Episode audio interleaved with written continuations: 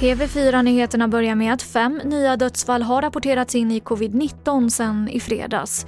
Detta enligt Folkhälsomyndighetens senaste siffror.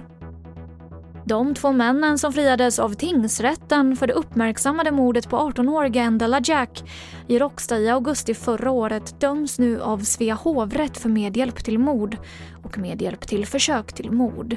En av männen döms även för medhjälp till försök till mord på Endela Jacks make i Nacka i september förra året. Straffet för mannen som döms för båda händelserna blir 16 års fängelse och den andra mannen döms till 12 års fängelse. Från och med den 1 oktober så hävs det nationella besöksförbudet på äldreboenden. Det här meddelade socialminister Lena Hallengren på en presskonferens idag. Som ni kommer få höra så gör vi samfällt bedömningen att den minskande smittspridningen i samhället, de åtgärder som redan vidtagits ute i äldreomsorgens verksamheter, tillsammans med nya myndighetsföreskrifter och rekommendationer gör att besöksförbudet kan upphöra.